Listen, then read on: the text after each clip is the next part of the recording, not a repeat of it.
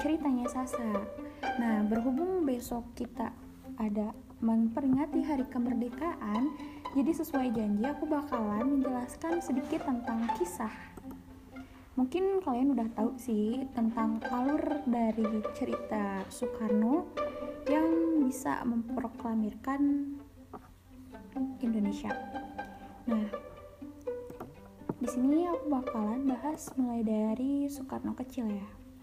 Dr. Andos Insinyur Haji Soekarno mempunyai nama lahir yang bernama Kusno Sostro Diharjo yang lahir di Surabaya pada tanggal 6 Juni 1901 dan ia meninggal di Jakarta pada tanggal 21 Juni 1970 pada usianya yang masih 69 tahun.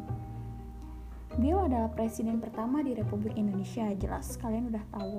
Dan itu tuh mungkin periode yang lumayan lama, 1945 sampai 1967. Dia juga adalah tokoh pejuang yang memainkan peranan yang sangat penting dalam kemerdekaan Indonesia kan.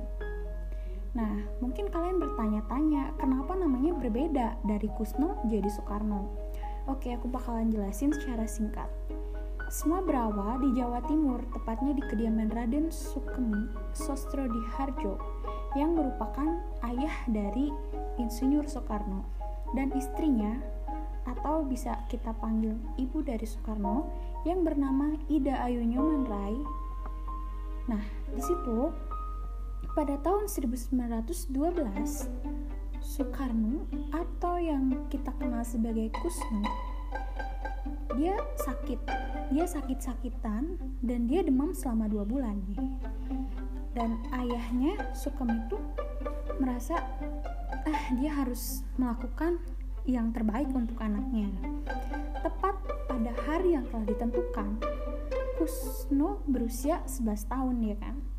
Nah, akhirnya Sukemi sebagai ayah Kusno melakukan penyucian anaknya, yaitu dengan mengganti nama dari Kusno menjadi Soekarno, yang katanya dia tuh terinspirasi dari Satria Adipati Karno.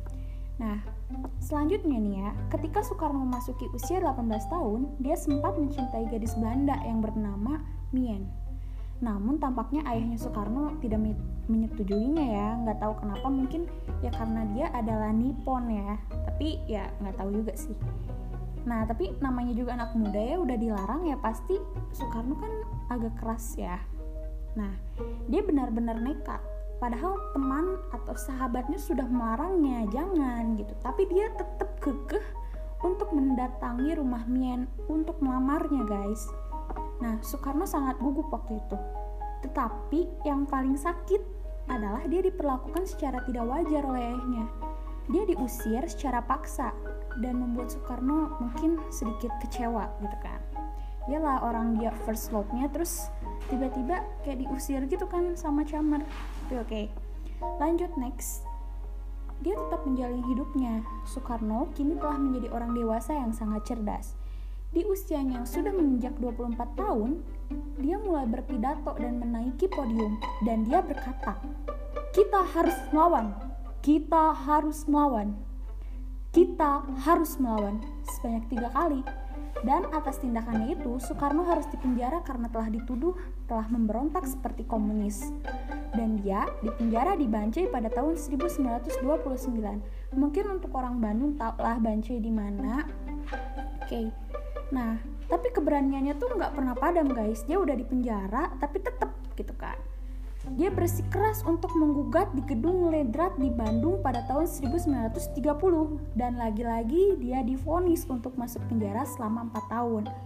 Keputusan itu dianggap kontroversial ya oleh kalangan cendekiawan Belanda dan juga pribumi. Oleh karena itu, dia cuma dipenjara selama 2 tahun dan 2 tahun kemudian dia dibebaskan dan kembali lagi berpolitik. Jadi Soekarno ini udah sering dipenjara tapi dia nggak pernah apa ya nggak pernah kapok karena ya dia nggak puas gitu kan. Nah pada tahun 1934 Soekarno ditangkap lagi dibuang juga. Dia udah ditangkap terus dia dibuang ke Ende. Nah empat tahun di Ende dia bersama istrinya yang udah kalian tahu lah siapa. Istrinya bernama Ibu Inggit. Dan dia mempunyai tiga anak tapi dia anak angkat karena Ibu Inggit itu tidak mempunyai anak dengan Soekarno dan Soekarno dipindahkan ke Bengkulu karena malaria. Nah, di sinilah di, dramanya dimulai. Mungkin ya pastilah ada ya yang namanya percintaan pasti ada gitu kan. Nah, drama percintaan yang aku maksud itu ketika Soekarno di kota itu tuh dia tuh untuk beristirahat kan dari politiknya.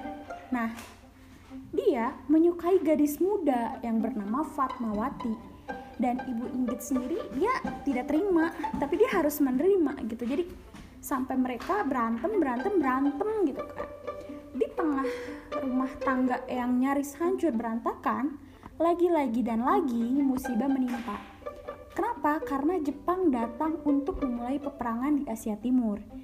Jepang datang ke Indonesia dengan membawa kekacauan semua gedung dibom sama dia. Tiba-tiba gitu datang tiba-tiba ngerusuh. Nggak sopan banget nih Jepang.